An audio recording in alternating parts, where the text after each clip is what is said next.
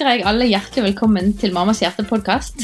Gøy du vil henge med oss en liten stund her. Jeg skal ikke love at det blir en kort stund, men, men eh, vi prøver alltid å holde oss under timen. Men, eh, men sånn er det med podkast. Et fantastisk medium man kan bruke eh, og snakke godt om tematikk, og det liker jo vi her i Mammas hjerte. I dag så har jeg med meg Trine Mor. Hei, Trine Mor. Hei er med i andre enden, helt ifra Larvik. Så koselig. Men du er ikke helt i slaget, hører vi på stemmen din? Nei, jeg er ikke det, altså. Det har vært en eh, intens eh, jobbhelg med konfirmantvolleyballcup, der jeg har ropt og prøvd å få kontroll på 70 konfirmanter eh, og diverse. Så stemmen Ja. Vi får se, da. Hvor lenge det holder. Bære eller briste? Bære eller briste. Er kjekt å få lov til å være med, da. Ja, kjære tid. Det er jo så kjekt når du har mulighet til å være med. Ehm, du, du, jeg, vi, vi, som følger snappen, det er jo mange av oss, eh, vi så jo at du, du hadde konsert med et kor også, og da lurer jeg på, var du med og sang med denne stemmen? Ja, um, så langt det lot seg gjøre. Jeg er sopran, eh, og det betyr at jeg synger lyst. Så jeg syns litt synd på dem som sto foran meg, fordi det gikk til et visst punkt, og så måtte jeg bare mime. så eh, det er liksom eh, Det har vært eh, Og det var i helga, det også. Så det har som sagt vært en intens helg, og stemmen Den får bare bære nå òg. Nei, men Det var viktig at du, du, ble med, Trine, på denne praten. Fordi du har jo et veldig godt og nært forhold til vår gjest, som vi har hatt her før. Og da var jo faktisk du med òg, Trine, når vi hadde Mai Bente her sist. Men velkommen igjen eh, til vår podkast, Mai Bente. Tusen takk. Veldig hyggelig. Eh, sist så satt jo vi i studioet vårt i Bergen når du var med. I dag må vi ta det over eh, internettet, men det skal nok gå bra. Men kunne du bare sagt hei og hvem du er til de som lytter som ikke har hørt siste episode? Du var med? Ja, hvem jeg er? Ja, det hvem er, et stort spørsmål. Ja. ja. Eh, jeg kan jo si litt om hva jeg har gjort, kanskje, opp igjennom. Ja. Ja, jeg eh, jobbet eh, Hvis jeg skal ta det sånn grovt riss, så begynte jeg på Sosialhøgskolen på Diakonhjemmet i Oslo. Slutten på 80-tallet. Og så har jeg tatt videreutdanning i psykiatri og blitt noe som heter klinisk sosionom, så jeg har jobbet veldig mange år i uh, forskjellige deler av psykiatrien. Jeg har tatt en del utdanning i veiledning, staltveiledning, og etter hvert i åndelig veiledning, som var en engangspilot som ble altfor stor og dyr, som MF og Presteforeningen hadde på begynnelsen av 2000-tallet. Men jeg var så heldig for med meg begge de to lange kursene på det. Jeg har jobbet en god del med det i ulike sammenhenger. Og så har jeg eh, ja, jobbet på Modum Bad, på Betanien psykiatriske senter, Haraldsplass samtalesenter. Jobbet veldig mye med, med, samtaler, snakket med veldig mange forskjellige mennesker opp igjennom. Og så jobbet jeg jo en del år på NLA, underviste der. Eh, og så har jeg overlangs, eh, ved siden av jobb, tatt teologi. Fordi jeg etter hvert ble mer og mer opptatt av at de menneskene jeg, møtte som slet med ting i livet, som hadde en tro, og ofte eh, fikk utfordringer i forhold til sin tro. Eh, og for noen, eh, når jeg jobbet på Modum Bad, der de særlig har jobbet med dette, så, så, var det jo veldig ofte vi så at faktisk så kunne jo mennesker ha et innhold i sin tro som gjorde det vanskelig psykisk eh, å leve et bra liv, rett og slett. Eh, for andre så det jo, var det jo troen som gjorde at de orket å stå opp hver dag, og som var ressursene i livet. Men eh, for veldig mange så var det faktisk sånn at troen var med og gjorde livet vanskelig. Så da var jeg særlig opptatt av det, at jeg måtte lære mer teologi. For hvis jeg skulle hjelpe disse menneskene, så var ikke det nok med, med å ha kunnskap om, om de psykiske utfordringene. Så da tok jeg teologi over langs. og var ferdig med teologien sånn i 2014 og begynte på NLA, tror jeg. Så, men eh, først i fjor så var tiden moden for å ta praktikum og bli ordinert, så nå jobber jeg som prest dette siste året. Fantastisk. Ja, Vi snakket litt om at du hadde fått en litt ny hverdag eh, i ny jobb ja. eh, nylig. Og da er det merker du litt på dette her med at det, det å, være, å ha prestestilling, det er ikke bare en åtte til fire-jobb. Det er jo en, eh, en livsstilsjobb som, som vi som er pastor òg, det er jo litt sånn i samme gaten i hvert fall. Og det er mye livet Ja. det går i. Å leve nært I helger og høytider når man ellers har hatt fri før. Ja. Ikke sant? Ja. Og dere som følger snappen, dere vet jo at jeg snakker jo mye om eh, psykisk helse og tro og hele mennesket. Og det er takket være denne damen her som vi nå skal snakke med, fordi hun hadde jeg på bachelornivå i sjelesorg, og da var det et eller annet som ble tent i meg, eh, som enda ikke er slukna, og som jeg har fått lov til å gi videre til eh, veldig mange flere av dem som eh, jeg vet følger oss både på pod og på Snap. Så jeg syns det er en ære, Mai Bente, å få lov til å ha deg med her, fordi eh, du er en av de eh, mest eh, ja, kunnskapsrike damen eh, jeg vet om på det her feltet. Um, og eh, jeg er veldig glad for at vi får lov til å ha deg her igjen, fordi jeg vet at du sitter på gull. Og veldig hyggelig å ha deg som òg tidligere student, og som, eh, som har tatt stoffet til deg og tatt det videre. Det er jo noe av det som er så meningsfullt med å jobbe på en høyskole. Tatt det til folket. Det er jo det Trine gjør. Hun Rett og slett. Tatt det videre og videreutviklet det med, med din vinkling og ja, jobbet med det. Så det, blir, det er jeg spent på å se og høre mer til når det gjelder deg. Ja. Jeg også. Ja. det kommer en tid, Mai Bente. Det gjør din tid for alt, og det er jo så fint hvis dere ser på meg, som da er veldig mye eldre enn dere. Men altså, ok, nå har jeg nettopp blitt prest, sånn, på, sånn langt uti. Eh, ut- på inspirerende. 50-tallet. Sånn at jeg tenker Ja. liksom, det er virkelig en tid for alt. Og tiden, den, den kommer, og den kan eh, Ja, det, det er ingenting som haster. Jeg, jeg pleier alltid å si når tiden er moden. Ja, og man er aldri helt ferdig. sant? At det finnes, Nei. Man kan bygge på, man kan utvikle seg, man kan uh, ta nye greiner og forgreine og, og liksom spesialisere seg. Og nei, så Det er utrolig inspirerende å høre hvordan du, din vei har blitt til. og eh, Veldig, veldig gøy. altså. Og jeg, For meg er det sånn her drømme det er jo drømmeutdanningen å sitte med, på en måte, og, og ha både den der psykiske, tunge kompetansen og erfaringen som du har hatt opp med um, med så mye samme, ja, samtaler og kursing og sånn, og så får du inn teologien i tillegg. Det er jo, det er jo virkelig noe som jeg òg brenner for å ha på hjertet. Mm. Og det var jo nettopp fordi jeg, jeg opplevde at dette hang så tett sammen sant, i de menneskene som jeg møtte. At det, det gikk på en måte ikke an, sånn som det ofte er, f.eks. i en psykiatrisk institusjon, at eh, ja, dette jobber vi med i, i terapeutene, og så dette med troen, det kan man ta med presten og ha en samtale sånn utenom. Eh, og det tror jeg har vært eh, det er vel noe av det som, som Odun Bad har klart, selv om de òg er veldig tydelige på hva som er terapi og hva som er sjelesorg. Men eh, at en er klar over at hvis man har med troende mennesker å gjøre, så er det òg nødvendig å se på troen og det innholdet den har. Og det burde egentlig alle gjøre, om en, om en ellers ikke sliter noe særlig psykisk, for å si det sånn. For det, vi har jo alle en tro som er formet av ting som vi kanskje ikke engang er, er oss bevisst. Så jeg tenker jo at det er nyttig for alle å, å se litt på det. Hva er det som har preget og utformet min tro? Hva er det som gjør at, ser, hva er det som gjør at mine forestillinger om Gud er sånn som de er? For det ligger jo eh, Jeg har i hvert fall en oppfatning og tro av at det ligger en, et ønske og et, på en måte et spørsmål i alle mennesker av på en måte Er det noe som er større enn meg sjøl? Fins det noe utover eh, dette? Dette er liksom meningen med livet. Hva, hva, hva, hva er det som en, en, Hele tiden en søken etter den der eh, evighetsspørsmålet, da. Um, og i de spørsmålene, i de på en måte eksistensielle spørsmålene, så eh, så trenger man faktisk å dra inn eh, hele spørsmålet om en gud og tro, og hvordan det eventuelt påvirker og ikke påvirker. Ja, eh, Mm.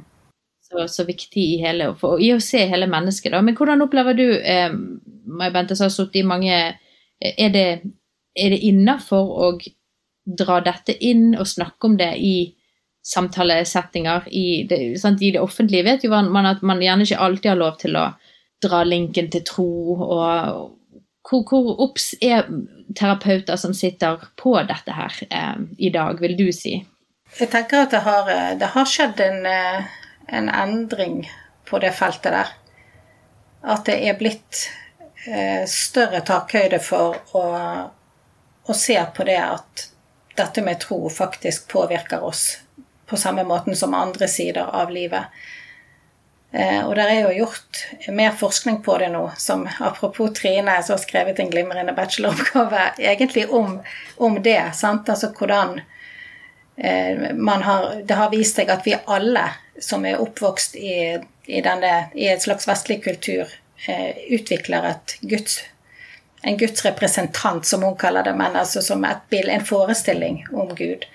Som er farget bl.a. av de nærmeste omsorgspersonene som vi gjerne ikke tenker så ofte. Vi tenker gjerne at det er den teologien vi har hørt, som litt, litt mer voksne, som vi har tatt til oss.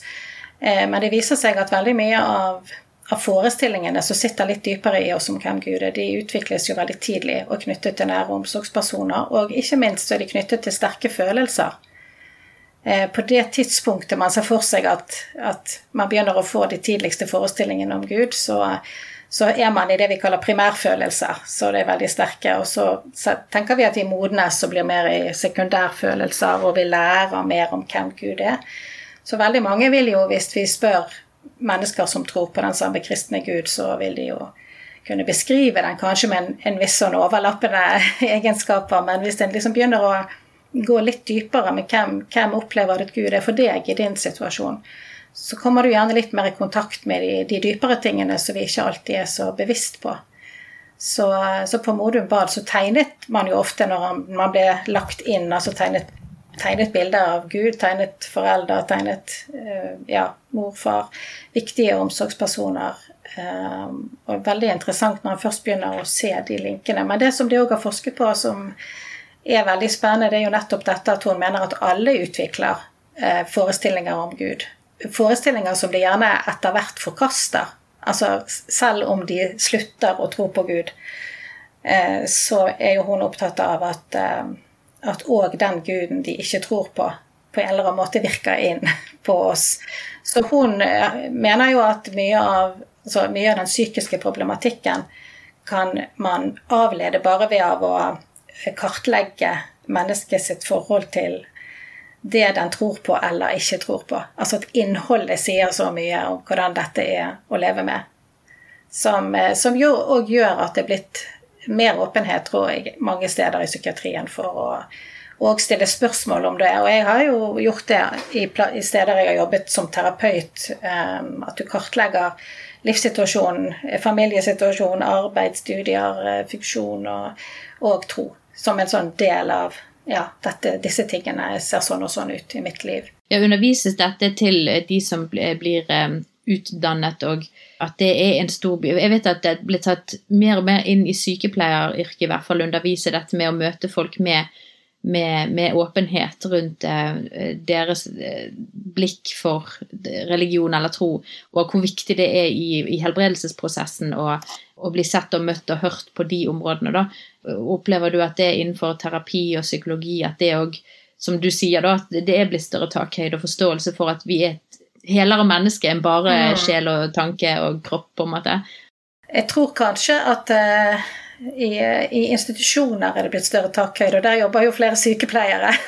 så når det viser spesielt til de. Eh, de har vært flinke å jobbe med åndelig omsorg. Eh, og det er et ganske stort miljø for det òg eh, her i Norge. Når det gjelder det å jobbe som terapeut, så vil nok fortsatt de fleste være ganske forsiktige når man går inn på det området. Og det er jo kanskje òg fordi at man får ikke noe hjelp ofte i sin egen utdanning til å jobbe med det feltet. Så det, det kan jo òg bli stående som en sånn Nei, her er det et felt jeg ikke forholder meg så mye til sjøl i mitt eget liv. Og det er jo grunnleggende liksom, når du skal hjelpe mennesker, at du må ha du må liksom ha brynt deg på disse temaene i ditt eget liv hvis du skal våge deg inn på andre. Akkurat det du snakker om der, er utrolig interessant. For, for vi hadde nettopp en dag her i Bergen. Eh, jeg er en del av dette familiesenteret i Bergen som, som jobber med fagfolk eh, som ønsker å jobbe ut fra kristent verdigrunnlag. Og når det kommer eh, mennesker som ønsker samtale og veiledning og hjelp, så kan de vite at når de snakker med denne familieterapeuten, så er det en kristen og har det kristne verdigrunnlaget. Og det samme med, med vi har en regnskapsfører eller en sånn økonom, økonomisk veileder, og vi har en psykolog som vi prøver å få praktisk eh, logistikkmessig til å samarbeide med oss òg. Så, så der er det Vi hadde en fantastisk dag sammen her hvor vi inviterte bredt over folk som ønsket å komme og høre. En ressurskveld hvor vi snakket om tro og psykisk helse, og det kom jo det var tettpakket med folk. Dette var virkelig noe som du bare så Dette var folk eh, sulten på å høre om. Denne her spenningen mellom tro og psykisk helse. Og, det, og det som vi tok opp, var akkurat det du sitter og snakker om her. Det er jo det at innenfor det kristne eh, verden eh, der vi jobber sant? Jeg, jo, jeg hadde på meg pastorhatten da på det øyeblikket. Og der er det jo sånn at vi eh, som pastorer og sjelesørgere sitter ofte med veldig mye mennesker som kommer, veldig mye forskjellige folk som kommer, med mange tunge, vonde, brutte historier og liv. Og de kommer med de til menighetene, og de ønsker å leve hele liv og få, liksom, få hjelp, støtte, og vi som menighet ønsker å omslutte og støtte, og vi liksom har med vår, de egenskapene vi kan ha av å liksom lytte, vi kan be, vi kan undervise om hva Bibelen sier. Men så er det på en måte det som eh, det ofte har blitt, er at det i, i, mange settinger så har det kun blitt fokus på det. Sant? Dette med liksom, ja, vi ber sammen om dette, og vi står sammen med deg på det, og vi lytter, og pastoren bærer enorme saker som egentlig blir over ens kunnskapsnivå, da. Litt sånn som du sa der, at liksom her er jeg, her er på et felt som jeg egentlig ikke kan eh, hjelpe dette mennesket, men jeg gjør det som jeg kan. Men så er det jo da det vi snakket om i andre enden, av litt som det som du forklarte her, av at terapeuter som sitter, psykologer som sitter og hjelper mennesker så langt som de kan med, med sin fagkompetanse, sine verktøy, sine men hvor de ikke har et åndelig forståelse sjøl, gjerne, og klarer ikke da å linke opp eh, den biten, da. Men så var det som vi brenner for i familiesenter, og meg og, og, og dette å snakke om, ja, men hvordan kan vi smelte sammen disse to? At gjerne folk i det offentlige da, som ikke har den gjerne åndelige forståelsen og kompetansen, kunne sendt mer videre til gjerne pastoral eller det sjelesørgiske, og gjerne motsatt, at pastor, pastor og sjelesørger kan mer sende videre mm. psykologi. Og der har jo vi blitt flinkere. Vi har jo blitt mye mer obs, i våre miljøer pga. Trine mye, som har eh, hamret på dette, at vi er nødt til å, å Hei, du. Visste du at Mammas hjerte er en del av Tro og Media? For å lære mer om tro og media, så kan du søke opp på tromedia.no, eller følge oss på sosiale medier. For det å samarbeide er jo òg eh, Dette har jeg gjort før, både når jeg jobbet som altså Særlig når jeg jobber som terapeut, så hendte det at jeg, at jeg òg samarbeidet med en prest om den pasienten. Men det var jo det som ble veldig sånn for meg at nei, dette, dette må jo jeg sjøl. Dette har jeg lyst til å finne ut mer om òg. Sånn at jeg, tenker jo òg at eh, det er veldig fint å kunne samarbeide eh, og ta, ta tak i de ulike delene, men òg snakke sammen, selvfølgelig da med pasienten til stede eller klienten eller med dens tillatelse. Eh, så det kan fungere veldig fint hvis den er liksom åpen. Alle er åpne for det den andre har å tilføre. Ja, samarbeidsmøter, rett og slett. Ja, absolutt. Ja. Mm. Men jeg tror jo òg at uh, en, kan, uh, en kan møte mennesker bedre uh, hvis man òg har jobbet med sin egen tro og hva den inneholder. og det å kunne kjenne igjen Ja. Jeg forstår på det. For eksempel så tenker jeg jo at at det er veldig mange som har et, dømmende gudsbilde. At det er veldig mange mennesker som bærer skam av forskjellige grunner. Eh, og det å f.eks. vite om at hvis du kjenner på dyp skam og tror at du ikke er verdt noe Det er egentlig ingen som kan bry seg om meg hvis de virkelig visste hvem jeg var. Det kan være så vellykket en vil utad, men veldig mange tenker det at hvis noen virkelig visste hvem jeg var, man innerst inne, så ville de jo vite at jeg ikke er noen å bry seg om. Uh, og, og, dypest sett ikke tror at det er noen som kan elske en. Uh, så vil det være eh, si nesten helt håpløst å drive og bare forkynne at Gud er kjærlighet, og Gud elsker deg, Gud elsker deg, elsker deg. For det er ikke noe mottakerapparat. Altså det, det å forstå f.eks. For sånne ting tenker jeg kan være viktig òg Eh, når man jobber som prest eller pastor, men er den som skal ivareta den kristne delen av samarbeidet, hvis en samarbeider, så er ikke det alltid at en sjøl heller har kompetanse på akkurat det å kjenne igjen hvordan disse psykiske fenomenene faktisk påvirker troen. En kan, en kan formidle troen, men hvis mottakerapparatet på en måte er det jeg kan kalle litt skadet av det livet har utsatt en for, så, så må en ofte virkelig gå inn i det, undersøke det. Sant? Hva er det som gjør at uh, du tenker at det ikke gjelder deg, f.eks. At det òg faktisk er sånn at uh, noen ganger så har vi uh, noen skader eller noen utviklingstrekk, for å kalle det det, med oss som gjør at vi er mer disponibel for noen gudsbilder eller gudsforestillinger eller gudssymbol, eller hva vi velger å kalle det, enn andre.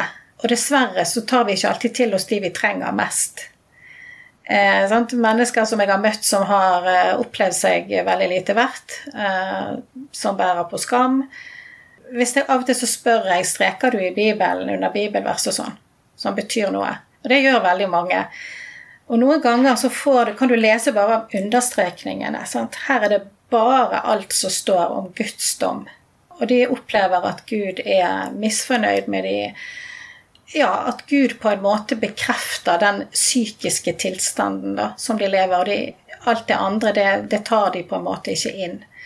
Eh, og det å hjelpe mennesker i sånne prosesser tenker jeg er, kjempeviktig eh, at flere blir bevisst på. Og noen ganger så Ja, jeg tenker f.eks. folk som eh, hva skal jeg si, tar til seg en veldig autoritær gud. En gud som er veldig svart-hvitt og enten-eller og rett og galt og gud og djevel. og eh, Har jo ofte en sånn eh, hva skal vi si, en sånn type personlighet som er litt det vi kaller splittet. Sant? Du kan ikke romme nyanser eller motsetninger. men det er, Og da kan jo av og til dessverre det kristne språket gå veldig godt inn i en sånn splitting som gjør at du på en måte holder ting veldig fra hverandre, som egentlig må kunne rommes og holdes sammen for at du skal være psykisk på plass.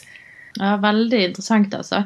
Eh, fordi at det har jo litt med en annen ting som jeg har hatt lyst til å snakke om, og vi kommer nok til å snakke litt mer om eh, eh, etter hvert, det er jo dette med mottaker. Eh, altså en, en, person som mottaker av Det kan være hva som helst. Av kritikk rundt, eller undervisning rundt, eller sånn som du snakker om her, bibelundervisning. Men òg bare sosial samhandling, sant? hvor mennesker bare oppfatter og tar inn og sluker rått på en måte de feilesignalene og hvordan vi kan snakke mer om hvilke filtre er det man har. Og der lurer jeg litt på hva, hva tenker du, Mai Bente, i forhold til hvilke steg skal man ta med seg sjøl når man opplever at man er veldig sårbar da, og tar inn Hvis du er i en sosial setting, og så, så, så blir man veldig sånn nærtagen, man tar uh, alle, uh, alle blikk eller alle ute Litt sånn uh, Folk spurte ikke meg, eller liksom en ting er at Hvis mennesker virkelig gjør feile ting og sier feile ting, og man skal alltid jobbe med typiske kristne sammenhenger, det utrolig viktig at kulturen er god på retorikk og er god på å eh, være brei i måten de, man, man, snakker. Eh, litt sånn som du sa her, tenke seg om. Men samtidig så kan man ikke gå på nåler. Man må jo kunne stå og undervise Bibels sannheter, altså, Bibel, altså Guds ord, hva som står. Og så er det mye som sitter igjen i mottaker òg, at mottaker òg er jo ansvarlig for hva, hvilke filtre man tar opp, og hva man tar inn over seg. Men det har jo mye med mottaker, da, hva en kjenner av seg sjøl, og hvilke prosesser man har gått med seg sjøl. Sånn som jeg, da, som vet at jeg kan fort bli vippet av pinnen av for mange eh, krav som er i den eh, kristne livsstil som man ønsker. Sant? Og man forkynner jo at det, disse tingene Og der er jo jeg veldig nøye med når jeg snakker, så snakker jeg mye om at dette kommer jo fra en overflod fra innsiden, fra en lyst, fra en ønske av å å lese eller ønske om å be eller ønske Det er ikke noe som jeg føler at jeg Men det er fordi jeg har jobbet så mye med det sjøl og klarer å liksom for jeg er en veldig sånn doer, pleaser-type. sant? Og da har jeg måttet være veldig sånn når jeg hører undervisning, eller når jeg eh, er med i seminarer eller kurs, så må, jeg, så må jeg liksom skru på mitt hjerte og min mottaker på en viss måte, sånn at jeg ikke bare går inn i den der eh, doer, pleaser. Jeg, å, jeg strekker ikke til, jeg er nødt til å gjøre masse ting for å bli godkjent her. Eh, og det var jo litt det du snakket om. Men da, tar jeg det ansvaret sjøl. Jeg gir ikke det ansvaret til den som står og underviser. Jeg tar ansvar for at ok, her er jeg litt sensitiv, her må jeg nødt til å, å guard, eller passe på liksom hva jeg tar inn over meg. Hva tenker du om det? Hva er det som er mottakers sitt ansvar? Hva er det som er Jeg tenker jo at eh, jo flere som, som, gjør den jobben som du har gjort på det området, som har vært din sårbarhet, eller hva vi skal kalle det, din utfordring, jo flere som gjør det, jo flere vil være i stand til å ta ansvar for hva tar jeg til meg og ikke. Men da har du gjort et stykke arbeid.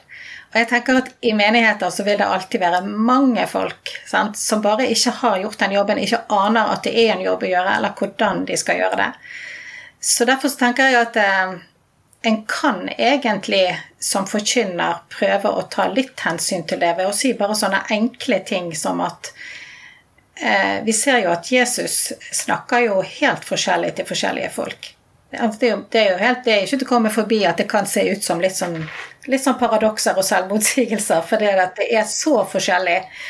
Eh, og jeg tenker at det handler om dette. At Jesus møter oss alle individuelt, og han ser at vi trenger ulike ting. Noen trenger helt andre ting enn en annen igjen. Og det er jo det som er kjempeutfordring med å faktisk skulle forkynne og preike, som jeg òg nå gjør. Sant? At det, det sitter folk med all verdens slags forskjellige erfaringer. Men jeg, jeg, tror at om en så bare sier det lille i starten, eller sant, at nå vet vi at det sitter folk her med veldig mange forskjellige ting eh, med seg, ting som påvirker hva vi hører, hvordan vi kan ta imot det.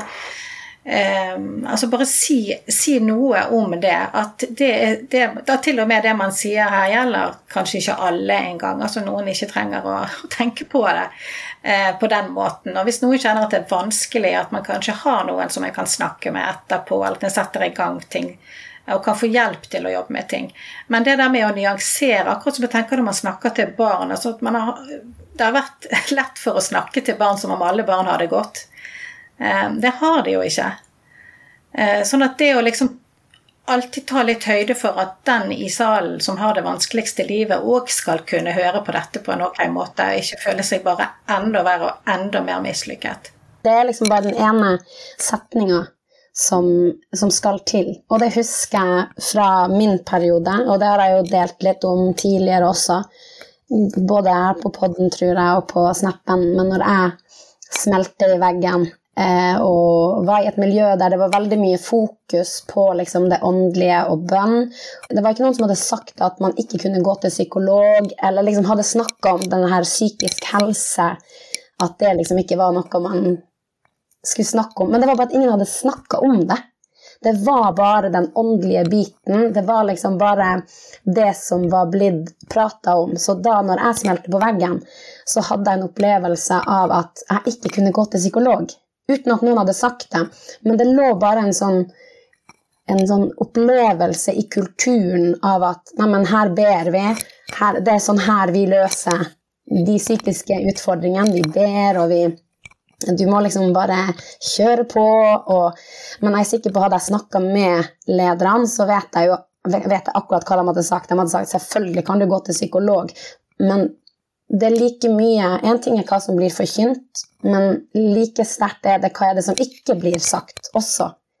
Det, det skaper et sånt rom av usikkerhet og av Det er noe med det å legge landskapet. Um, og, og um, da endte det jo med at jeg, jeg gikk til psykolog, men samtidig så gikk jeg også til en prest. Ikke sant? For å få denne tosidigheten um, som jeg fant veldig, veldig nyttig.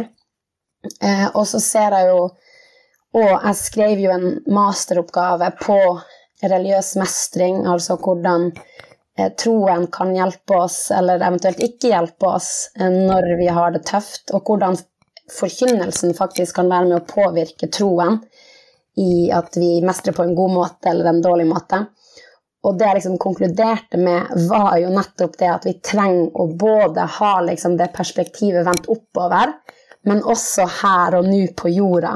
Vi er nødt til å snakke sant om det vi ser her og nå, og samtidig ikke liksom kompromisse på Guds sannheter og liksom eh, evighetsperspektivet, da. Og jeg tror ikke det betyr at vi må ha 50-50 i hver eneste forkynnelse. Liksom. Det, det, er noe med at nå belyser vi at um, nå belyser vi bønn. Ikke sant? Men den, denne lille setninga på slutten som sier Men jeg har bedt for mennesker som ikke har blitt friske. Jeg har bedt for mennesker som, som, har, som har stått i tøffe ting, og som tapte kampen. Eller liksom at det er det spennende der. Fordi det, det er noe med det å romme.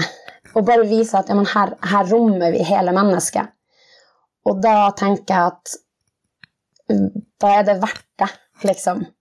Da er det verdt det å tenke at uansett hvor svart-hvit man ønsker å være, eller hvor mye man ønsker å fokusere på, på bønn, eller på uansett hva det måtte være man ønsker å snakke om i en kristen forkynnelse, og ikke bli um, um, utfordra av den lille setninga som på en måte åpner opp for når det ikke skjer, eller liksom Vi trenger å holde det sammen, fordi Gud er en hel Gud, og vi er et helt menneske.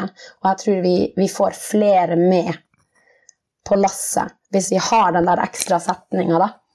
Eh, og så betyr ikke det at, at det er vi som forkynnere som sitter med det eh, store og fulle ansvaret, men vi har et større ansvar når vi står der oppe.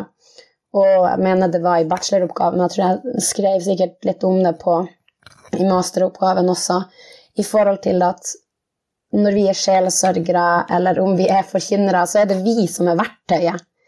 Så det er liksom noe med det å ha jobba med oss også, og være klar over ok, hvordan, som vi var inne på i sted, hvordan gudsbilde er det jeg har, som jeg gir videre. For jeg er jo også forma eh, av min historie. Og da tror jeg at hvis man da prøver å være litt bredere, så blir det ikke um, Ja, så, så, er det faktisk litt tryggere, da, eh, tenker jeg. Romme, kan romme flere, da. Absolutt. Og jeg tenker jo eh, både det at en kan romme flere, men òg at en unngår ganske masse det jeg, det jeg kaller religiøse skader. Eh, for jeg har jo òg dessverre møtt en god del mennesker som har hatt det vanskelig, og som har søkt hjelp i kristne sammenhenger og, eh, og blitt bedt for og blitt oppfordret til å be, og der de har gjort det med virkelig si, liv og sjel og alt gått virkelig all in og der de kan oppleve på en måte seg enda mer mislykket, mislykket og enda mindre verdt eh, hvis det da ikke skjer noe, det ikke blir noe bedring. Som vi dessverre ser, både når det gjelder psykisk helse og fysisk helse. Vi tar det jo kanskje ikke så mye for gitt at vi bare skal be når det gjelder fysisk helse. Der er det kanskje litt, sånn, litt, litt mer vanlig å si at eh, ta, til, ta deg en tur til legen. Eh, og det er jo egentlig liksom det samme. At eh, psykiske helsen og fysiske helsen vi kan trenge andre hjelpemidler. Eh, og det kan ofte være et veldig, veldig altså det kan være på veldig mye skam over å ikke ha på en måte lyktes med å bli eh, fri eller frisk med bønn enn han har blitt bedt for, og så føler han kanskje må trekke seg unna for at det er, fall, det er i hvert fall ubehagelig å skulle si det. At nei, det har ikke hjulpet. Det er nesten litt flaut for den som ba for en òg. Og så prøver han å skåne alle, og så har en det bare enda verre sjøl. Ja, og det var jo en ting vi snakket litt om i ja, på denne kvelden vi hadde her i Bergen. Det var dette med at i, i menighetssettinger så, så kan det kan jo være altså disse menneskene som da står i dette spennet, som er så vondt og så frustrerende. Man, man virkelig tror og håper og gir alt inn fra For, vi tror jo på mirakler. Vi gjør jo det. Vi, vi, ønsker jo mirakler i våre liv, og vi ber om at det, skal komme At man skal kunne bli frisk og bli, bli satt fri fra vonde ting. Og så ser man ikke alltid det. Det er noen som opplever det, det er ikke alle som opplever det. Men så blir disse menneskene egentlig bare til sykdommen sin i kristne settinger, hvor i alle settinger de kommer, så skal de bli et liksom, offer for eh, forbønn, og, og, alle går bort og, og ma, Det blir sånn masing og blir sånn andre sånn kampsaker for andre. Og det kan bli ganske slitsomt for de som står gjerne i årevis med kronisk sykdom, f.eks. Um, eller psykisk sykdom. eh, og, og, hele tiden være et slags At man er bare sin begrensning. Og da blir det fryktelig feil fokus, tenker jeg, hvis det er sånn vi, vi bygger opp uh, settingene våre. Vi skal og så Nå kommer vi fra en veldig sånn karismatisk bakgrunn, hvor kanskje dette er liksom eh, grøftekjøring der, men, men jeg vil jo si at i mange andre settinger så, så, trengs det virkelig å løftes opp dette med tro for mirakler. Sant? Det er jo noe som er færre og færre tror på i Norge i dag. Så, så jeg syns det er virkelig en fakkel å holde opp, at vi, vi, vi tror virkelig på det. Men, men samtidig der så må ikke vi bli vår svakhet eller vår sykdom. Eh, vi må òg tale liv og jeg tror se liv og det gode og det friske i mennesket, og hvor mye det er verdt. Hvor mye det er eh, dette med å anerkjenne og se det friske i mennesket, istedenfor å hele tiden gi det syke fokus. For da blir man jo bare et prosjekt som menigheten skal liksom løse eller jobbe på. Og da kan man jo gå inn på religiøse skader. Absolutt. Og det, det, sier jo på en måte òg dypest sett noe om menneskesynet. Altså at I vår sammenheng så er, har vi et menneskesyn som er, det er egentlig ganske farlig hvis vi skal sammenligne det med krefter i samfunnet i dag, der skal være, vi skal være friske eh, og sterke. Det er jo et menneskesyn som vi nok dypest sett ikke bekjenner oss til, egentlig. Og alt er jo godt ment. Men, men, det er jo faren ved det. Sant? At det er jo veldig mange mennesker med forskjellige lidelser som kan gjøre veldig mye. Kan gjøre masse fint frivillig arbeid og annen type arbeid. Men nettopp det der med å, å, se det, og ikke bare se sykdommen. Og det er jo veldig mange med psykiske lidelser òg som, som opplever som utfordrende. Eh, som om man ikke kan både bidra og, og kanskje til og med tilføre noe som som det stedet trenger, som er utvidende. Eh, og jeg tror jo at både det å be om helbredelse og det å kunne si noe om at det er ikke vi som styrer Gud. Altså, vi har ikke kontroll på Gud og hvem han vil helbrede, og når. Eh, og dermed så må vi jo òg ha nettopp den åpenheten for at kanskje handler Gud, kanskje gjør han det ikke, men vi skal stå stødig der med den som blir bedt for uansett utfall. Det er jo det som blir det viktige. At ikke vi påfører enda et nederlag om det ikke skjer noe. Kanskje skjer det noe helt annet som er mye viktigere. Altså, det tenker jeg faktisk av og til. At eh, noen ganger så kan det skje ting i menneskers liv som er viktigere enn om akkurat den funksjonshemmingen eller den, det tinget de slet med, løste seg. Det har jeg hørt fortellinger om. liksom At dette har egentlig ført til andre rikdommer i mitt liv. Og så det, det, er så vondt å høre da at folk trekker seg ut av fellesskapene fordi at man da opplever denne eh, byrden og spenningen så utrolig smertefull. Og det blir så feil, sant? for man ønsker jo, man skal jo være fellesskap hvor man rommer dette her, akkurat som vi snakker om, denne spenningen, og stå med folk og bare stå i tro, og stå liksom Men gjøre det på, på en måte en, en, en gjøre det på rett måte, da, og ikke skremme folk ut med vår iver etter liksom eh, tro, da, men, men, at vi virkelig rommer eh, men det kan være smertefullt å stå da, med folk, og det kjenner jeg mye på. at det, det, Å bære det håpet for og med mennesker, det, kan, det, er ganske, det er vondt for folk å våge seg inn i de, det mørket der også. da. Men derfor tror jeg det er så bra å snakke om det. At det er ikke bare, det er ikke quick fix. Det er ikke det vi snakker om her. Det handler om å stå med mennesker i deres vonde ting. Eh, tale liv. Eh, elske på tross av, på en måte. Eller liksom, og det, vi alle er jo hullete og har vår svakhet her. Så vi alle det som jeg pleier å si, det vi kommer alle mer eller mindre skadet ut av vår barndom.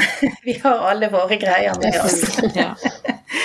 så, så, sånn er det, og det er jo òg altså, viktig å, å være, være, klar over og være obs på, som, som, du Trine òg sier, liksom dette med å i hvert fall være noenlunde klar over seg sjøl og sine egne utfordringer og så, sånn som jeg synes det var et godt eksempel når du forteller om du forkynner på en måte mye mer bevisst og annerledes om den tematikken som du selv har jobbet med. Og sånn er det jo. Og det er jo derfor jeg tenker at eh, jeg skulle ønske at alle som forkynner, og alle som møter mennesker i sjelesorg, faktisk på en måte var litt nødt til å kunne si at jeg har òg gått x antall timer i sjelesorg eller terapi, eller i hvert fall snakket veldig dypt med både om min tro og mitt liv med med et menneske jeg har tillit til. Eh, jeg tenker faktisk at vi har forsømt det, eh, og at det lider ganske mange kristne fellesskap under. At en har forsømt det, det, indre arbeidet som dette faktisk er. Og jeg syns jeg har sett det så tydelig. Jeg har fulgt òg en del mennesker i det vi kaller åndelig veiledning. Som er jo enda en litt annen måte å, å jobbe med mennesker og tro på. Men eh, hvis mennesker har kommet og, og, spurt om de kan gå inn i en åndelig veiledningsprosess der vi jobber med der den som kommer, må forplikte seg til å sitte ned 10-15-20 minutter hver dag og be og få et bibelvers å meditere over. Eh, men veldig mange som, som, begynner på det, de er veldig opptatt av det som er i denne tradisjonen, at vi er opptatt av å lytte til Gud og finne ut hva vil Gud med livet ditt. Eh, men mange er så utrolig ivrige. sant? Liksom bare gi meg oppgaven, og så er jeg i gang. Eh, og veldig ofte når jeg har fulgt mennesker i sånne prosesser, så, så, så, opplever de at de blir stoppet av et eller annet som blir vanskelig. Og blir veldig frustrert over det. Og jeg tenker bare det å på en måte tenke at her er det en indre jobb som må gjøres før vi, før vi skal slippe disse menneskene løs på, på verden og på andre. Eh, og, og, det tror jeg, det syns jeg liksom har virkelig begynt å tro at Gud er klar over. Sånn at når mennesker virkelig åpner seg for å gå inn i en sånn prosess, så blir de først gjort oppmerksom på Ikke, ikke nødvendigvis liksom for å tenke at Gud er så opptatt av å påpeke 'her har du din feil' eller 'din synd', men fordi en trenger å bli klar over det, sånn at en kan i beste fall hele det. Hele det som vi sjøl trenger. For eh, ellers er det utrolig lett for at vi ubevisst eh, påfører andre ting som vi kunne unngått hvis vi hadde fått hjelp til å gjøre den jobben sjøl i våre liv. Ja, så bra og sagt. Eh, vi, og, og, Hans Sverre Skilbreid, som vi jobber mye med i familiesenteret, eh, han sier det så godt at du kan ikke gi videre noe du ikke har fått sjøl. Um, så, du, uh, så, for meg har jo det blitt mitt, mitt uh, Jeg har jo ikke tatt noe utdannelse, sånn som du, Mai Bente. Jeg skulle jo ønske jeg hadde en hjerne som hadde klart å sitte på skolebenken og fått uh, disse flotte Men jeg har nå livets skole, da, og jeg har nå, jeg gått noen tøffe runder med meg sjøl og har gjennom det klart å få disse tingene som jeg kan Men da holder jeg meg til det. Jeg jeg går ikke og, og, og, gir videre eller går med folk vandringer som jeg ikke sjøl har gått og fått og erfart og rommer, da. Og der tror jeg, sånn som du sier, at det er for unge mennesker i dag som er engasjert og vil mye, så er det, det, her, her, er utrolig mye Det er smertefullt, da, for man må gå inn i seg sjøl og kjenne på hva er det sånn som de der, hvordan hva er min relasjon til mine foreldre eller til Gud? Hva, hvordan ser jeg han egentlig? Og, og det kan være smertefullt, men det er jo det som man kan gi videre til mennesker, da. Jeg hadde jo lyst til å bare høre litt mer om meg, Bente, hvis du Fordi jeg har lyst til å vite mer som en, slags, som en mottaker av, eh, i verden av så mye vi ser og opplever. Hvordan kan vi ruste oss bedre? Eh, hvilke spørsmål eller runder kan vi gå med oss sjøl? Nå tenker jeg jo jeg for de som lytter på, til å være var og bevisst over i forhold til da, uansett hva du skal lytte, høre eller ta imot eller bli påvirket av. Altså, Jeg tror jo at man kan sitte og scrolle og ikke bli påvirket fordi at man har satt opp noen indre grenser i seg sjøl. Um, men hvordan gjør man disse tingene? Hvordan gjør man disse øvelsene av å på en måte bevisstgjøre seg sjøl? Hvor er jeg svak, eller hva trenger jeg? Har du noen konkrete liksom, tips eller råd til oss som mottakere? Jeg tenker jo at det i hvert fall kan være veldig lurt å gå noen runder med seg sjøl i forhold til hvordan ser mitt bilde av Gud ut? Altså, jeg spør av og til mennesker jeg snakker med, hvis du skulle beskrive Gud bare med ett eneste ord, ikke, ikke noe teologisk ut, utlegning, men ett ord som gjelder, hvem er han for deg? Og jeg har forbausende ofte fått opp, og det har vært kristne ledere og ja, mennesker som man, man, nok hører forkynne andre ting enn det som kommer når du skal si ett ord som gjelder for deg sjøl. Og for mange så er det sånn type ord som sensor. Sånn at Det å på en måte f.eks. stille seg det spørsmålet Hvis jeg skulle beskrive Gud med ett ord for meg, hvem er han for meg? Og så begynne å undersøke litt. Liksom, Mon tro hvordan det har blitt sånn. For det stemmer jo egentlig ikke med det jeg forkynner. Hvor kan det komme fra? Eh, og begynne litt sånn eh, graving i sine egne gudsbilder. Og der tenker jeg at mange er veldig redd for å gjøre det. For det at vi tror at når vi begynner å jobbe med det, jeg kaller forestillinger eller bilder av Gud, så har vi vanskelig for å tenke at det ikke er Gud sjøl vi begynner å, å, å, tulle med, liksom. Sant? For vi har lett for å tenke at den, den teologien eller troen vi har fått med oss, den, det er det er Gud, det er sånn det er. Og alt de begynner å rote med etterpå det, det da er det Gud selv, liksom. Og hva utlyser vi ikke da? Jeg tror at, at, man, at det er knyttet litt angst til dette her. Ja, veldig bra sagt, altså. Ja, viktig. Uten at vi egentlig er klar over det. Men vi begynner å, å leite litt nedi der, sant? så kan vi bli litt redde når vi begynner å, å, å, på en måte stille for mye spørsmålstegn ved den guden eller det gudsbildet som vi har levd med og trodd på. Eh, det kan være veldig utfordrende å endre det, måtte justere litt på sin egen tro. Um, og det der å spørre seg liksom um, Denne troen, hvordan fungerer den i mitt liv? Liksom, hva bruker jeg den til? Er det liksom når jeg bare sånn Hjelp meg, eller, eller er det uh, en som en kjenner at jeg må må please veldig mye for at ting skal gå bra. Altså tenker jeg egentlig at han er en slags sånn forhandlingspartner. Hvis jeg bare gjør sånn, så gjør han sikkert, hjelper han meg sikkert sånn. Altså Det er så uendelig mange ting det kan handle om. Men det å, få, litt tak i det, tenker jeg liksom både for de som skal forkynne, men òg for alle som lytter, alle som befinner seg i en kristen sammenheng.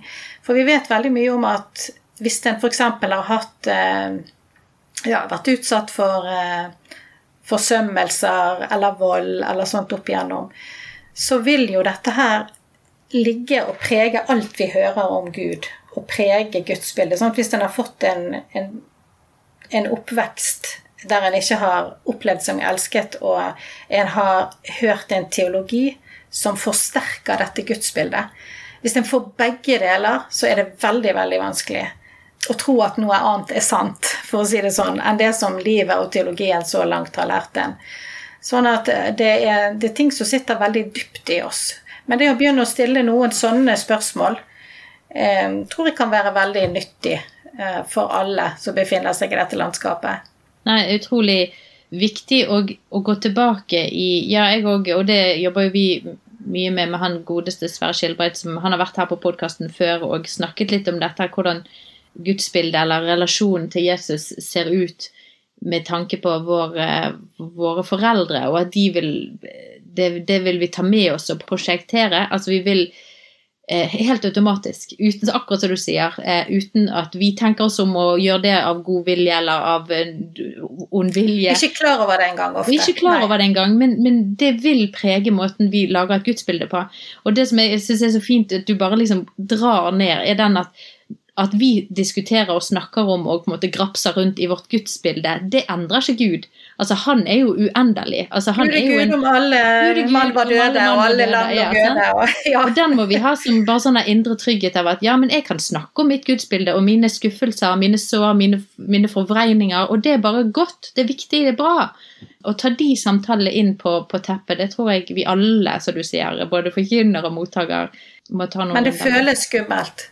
Ja. Eh, og det, det, kan være viktig å være klar over. Sant? At det, det, er helt, det, er helt, normalt at en kjenner at det er skummelt. For eh, hvis det virkelig er sånn Gud er som jeg har trodd, så kan han jo eh, Det kan utløse skikkelig vrede, f.eks. hvis jeg eh, likevel begynner å stille for mye spørsmål ved hvem han er og hans allmakt, eller hva det nå er det innholdet er i det. Og Derfor så krever det ganske mye av miljøet Eh, å skape det rommet som gjør at, eh, at, det er lov å stille de spørsmålene. At det er liksom rom for å være underveis og i prosess. Og jeg tenker liksom at vi i vår lutherske tradisjon, enten vi er nå i Frikirken eller i Norske kirke eller hvor vi befinner oss, så tror vi alle har litt med oss av det der at eh, Og så ble man frelst, eller så ble man kristen. Punktum. Nå er alt riktig. sant? Mens liksom eh, hele den lange prosessen, det startskuddet som egentlig er godt, eh, at vår tro endrer seg med at livet endrer seg, med at vi endrer oss. Og sånn skal det være. Eh, det er tegn på modning og vekst. Hvis det ikke skjer, så er det jo ofte fordi du må tviholde på noe, for ellers blir det for skummelt. Så det der at ting, at en får lov å være ulike steder og til de ulike tider altså Hvis noen spurte meg om Gud for eh, 20 år siden, så hadde det vært sett helt hadde jeg hatt helt andre svar enn jeg har i dag. Og, det, og sånn må det liksom få lov til å være òg. Eh, det er ikke rett eller feil alltid, men nå, akkurat nå baler jeg med dette i mitt liv, og det, er det rom for det her, liksom? Sant? Kan jeg bare få være her med dette? Og så minnes jeg eh, Mai Bente um, at vi snakka om det på sjelesorgsemnet, at, at altså, vårt gudsbilde, det er jo i liksom, Selv om vi på en måte har en kjerne som gjerne kommer fra liksom, de nære eh, primærrelasjonene som vi hadde som barn, så er det jo i konstant eh, liksom, bevegelse. Og da mener jeg at jeg leste at det sto at hvis det skjer et overtramp innenfor en kristen setting, så vil det alltid påvirke gudsbildet også.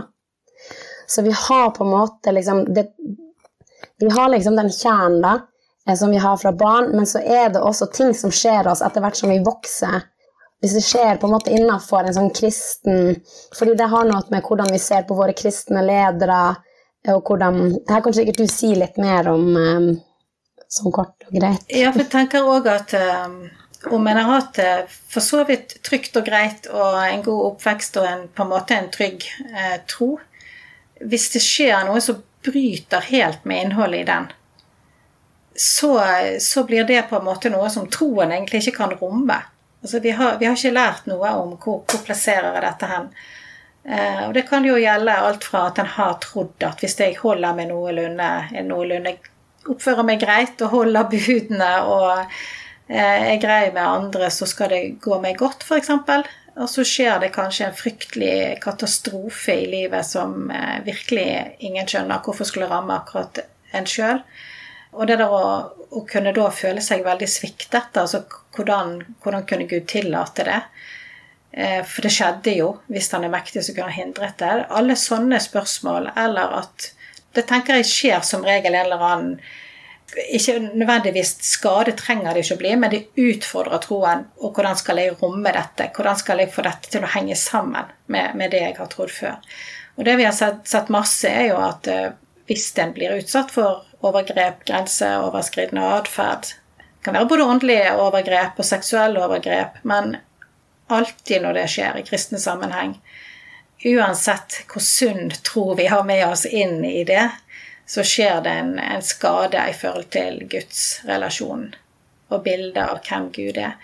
En trenger jo gjerne psykologisk hjelp da, men der kan problemet være at en kan få god hjelp til å bearbeide det, det psykisk, det som har skjedd, men, men en får kanskje ikke samme type hjelp til å bearbeide det som Hvordan skal jeg romme dette i forhold til Gud?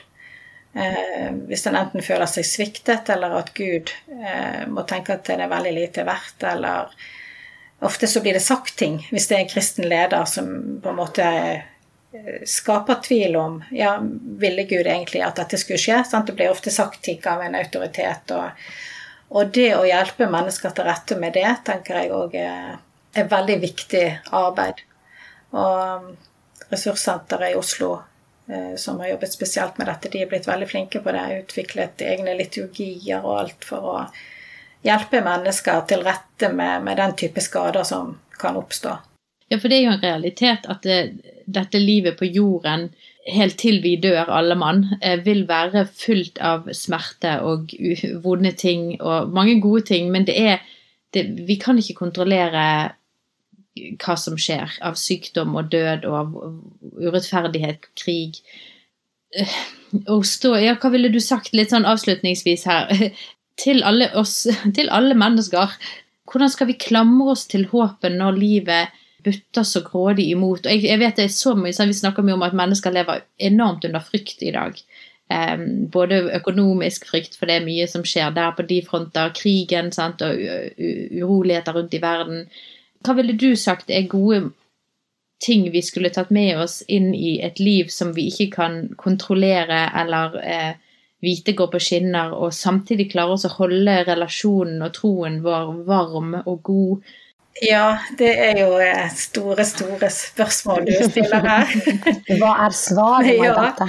Jeg tenker jo at uh, det å kunne få lov å håpe at jeg Det som faktisk Bibelen sier, at jeg liksom får bevart min sjel samme hva som skjer. At, altså at en på en måte klarer å stå igjennom det som måtte være, med både troen i behold og med kjærlighetsevnen i behold. Sant? Altså at en ikke mister det som er, mister sin identitet og blir, blir ødelagt og går, går til grunne liksom, i all angsten og alt det fæle som skjer. Det å kunne be om det, tenker jeg av og til kan være vel så fint. Eh, som å be om at, skal, at, alt skal bli fjernet og tatt fra en av vonde ting. For det, skulle det, det, skje med noe som er ille, så, så, er det så litt sånn som du sier, det er så masse Det, kom, det vil alltid komme noe annet. altså Det vil alltid være ting som er vanskelige.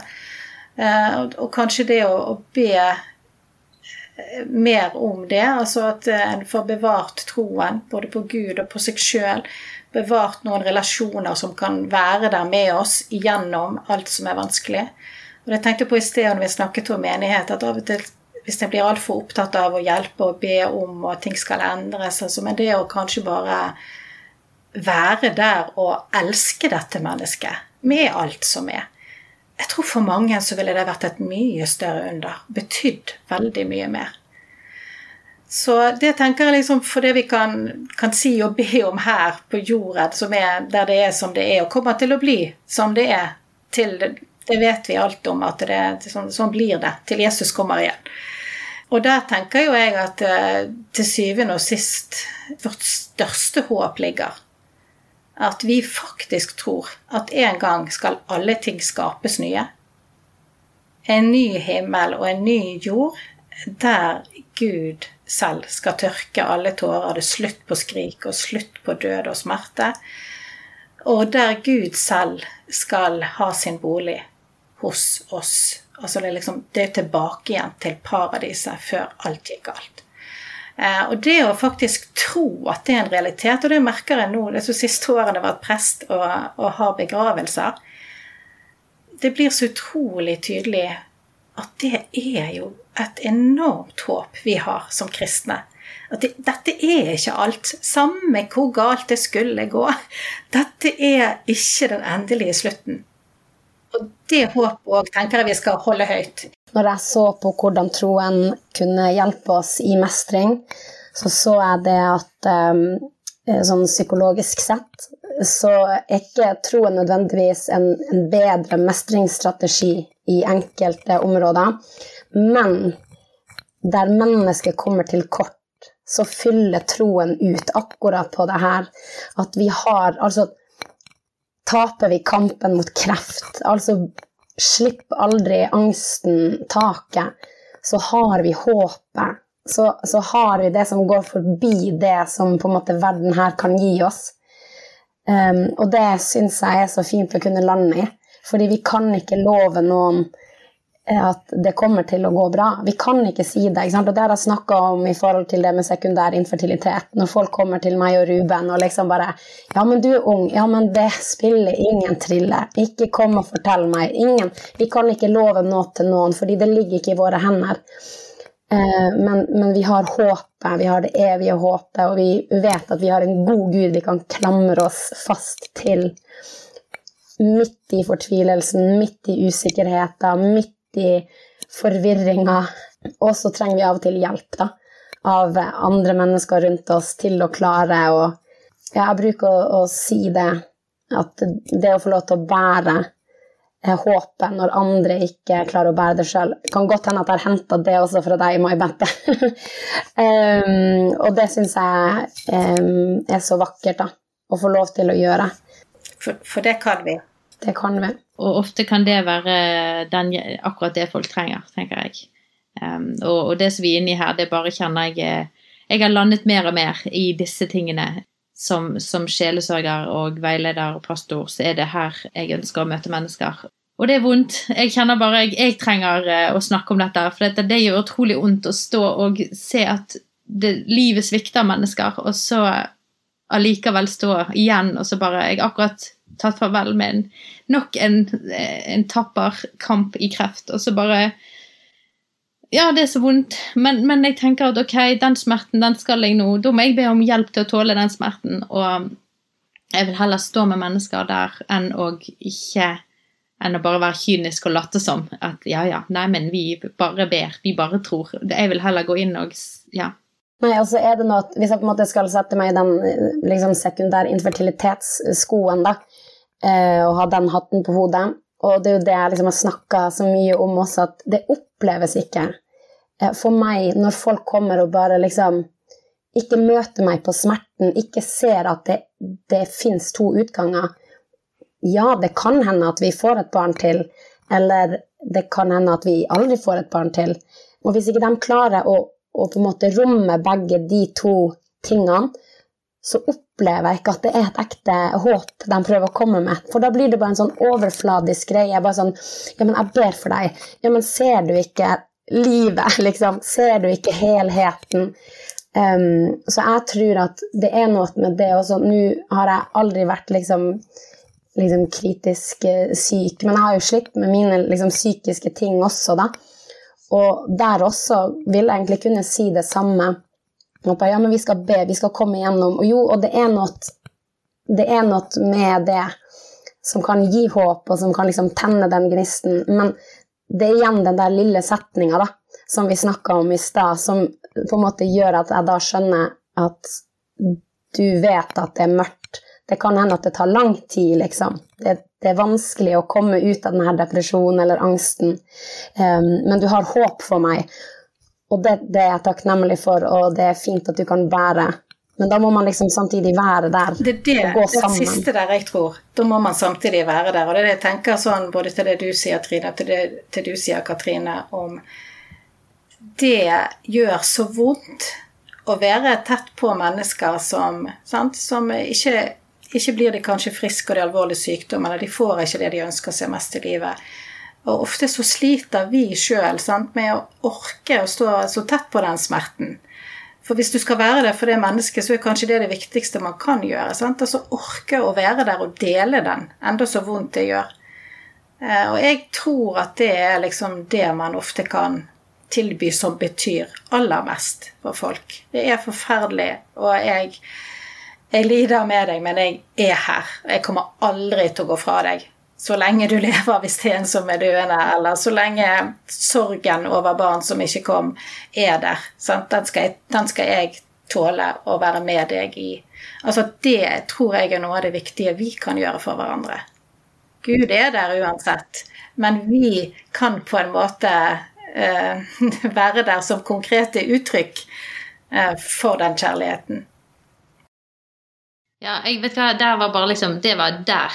Det, sånn ser et medmenneske ut, vil jeg si, uh, Mai Bente. Det du sa der, det er det vi kan gjøre som uh, Å se Gud, Gud, om alle mann var døde. Og så, så Bjørn Eidsvåg, sant. Jeg kan ikke gråte tårer for deg, men jeg vil gråte med deg. sant? Og da, det er det livet handler om, tror jeg. Å stå side om side med mennesker, og, og sjøl òg ha folk men, side om side med seg sjøl. Det er jo det man må passe på, at man, man, man ikke står alene. Også, for ingen av oss er overmennesker, og det gjelder ikke andre regler for oss sjøl enn for andre. Og av og til så er jo det for noen av oss som har vært jobbet mye i sånn hjelpere forskjellige måter, så kan det være utrolig vanskelig å, å ta imot hjelp sjøl. Men jeg tror det er det vi er skapt for til syvende og sist. Altså for å være der, bære hverandres byrder og hverandres håp og ja. Nei, men jeg, eh, her, jeg mener vi, her har vi løst, løst verdensproblemer, men Da kan vi det. Nei da. Det var godt at vi kom men, dit. Men, eh, ja, jeg, jeg, tror det er en veldig fin plass å avslutte på, veldig fin plass å lande i både det at vi bærer håpet, og vi tror um, Og vi kompromisser ikke på det, men for oss som er mennesker og skal være medmennesker, så er det dette det handler om. Og i møte med psykisk helse så, så tror jeg vi må ta det enda mer på alvor, dette med gudsbildet, og snakke, gå i materie av det. Bare for å oppsummere litt det vi har snakket om, så, så er det det jeg sitter igjen med. Rett og slett reflektere mer rundt våre egne gudsbilder og erfaringer. Hvordan påvirker det vår tro, og det jeg tar inn som mottaker. Um, veldig, veldig nyttig. Nei, men takk, Mai Bente. Dette var gullrekken. På, bedre enn gullrekken på fredager eller lørdager. Eller, ja, veldig hyggelig å snakke med dere begge to. Veldig, veldig kjekt. Og takk, Trine, for at du var med og uh, ga av ditt dyrebare hjerte. Og du brenner. Det er sånn brannfakkel for Trine, dette her. Ja. Uh, men du, du, er med og preger. Uh, en generasjon mødre, tror jeg, Trine, med, med, det hjertet ditt. Så det er så, så viktig og bra. Ja, men Da takker jeg til deg som lyttet på, og du får jo bare ta kontakt hvis du, du, kjente det trykket på noen ting eh, som du syns var vondt eller vanskelig, eller du har spørsmål med noe. Så ta kontakt. Vi står jo i kontakt med familiesenteret, så vi har eh, gode folk vi kan henvise til. og ja, og til, til, og med etter eh, sist prat vi hadde hatt, så fikk jo til og med Mai Bente kontakt. Vel, det var noen som tok kontakt med hun uh, apropos dette med psykisk sykdom i parrelasjon og, og uh, sånne ting. Så ja. Så hun er en, Men jeg vet ikke, hvordan er det, tilbyr du samtaletjenester? Nei, så hun rister på hodet. Nei, ikke si det! Nei! Jeg skulle så gjerne gjort det, men akkurat nå så har jeg fått eh, si, si stopp akkurat nå, for jeg har litt for mye med det som er. Nei, men kanskje sant, disse podkastene kan jo være en, eh, en eh, hjelp til selvhjelp, i hvert fall. Til folk som lytter på. Ja. Absolutt. Nei, men Takk igjen for at dere kom, og takk til deg som lyttet på. Så høres vi i neste episode. Ha det godt!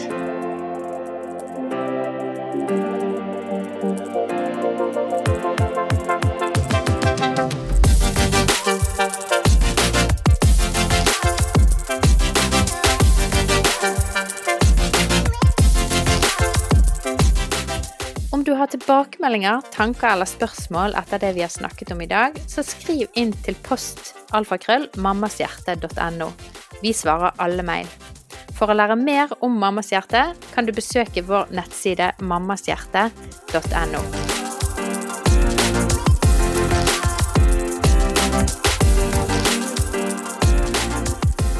Denne podkasten er laget i samarbeid med Tro og Media og Familiesenteret i Bergen.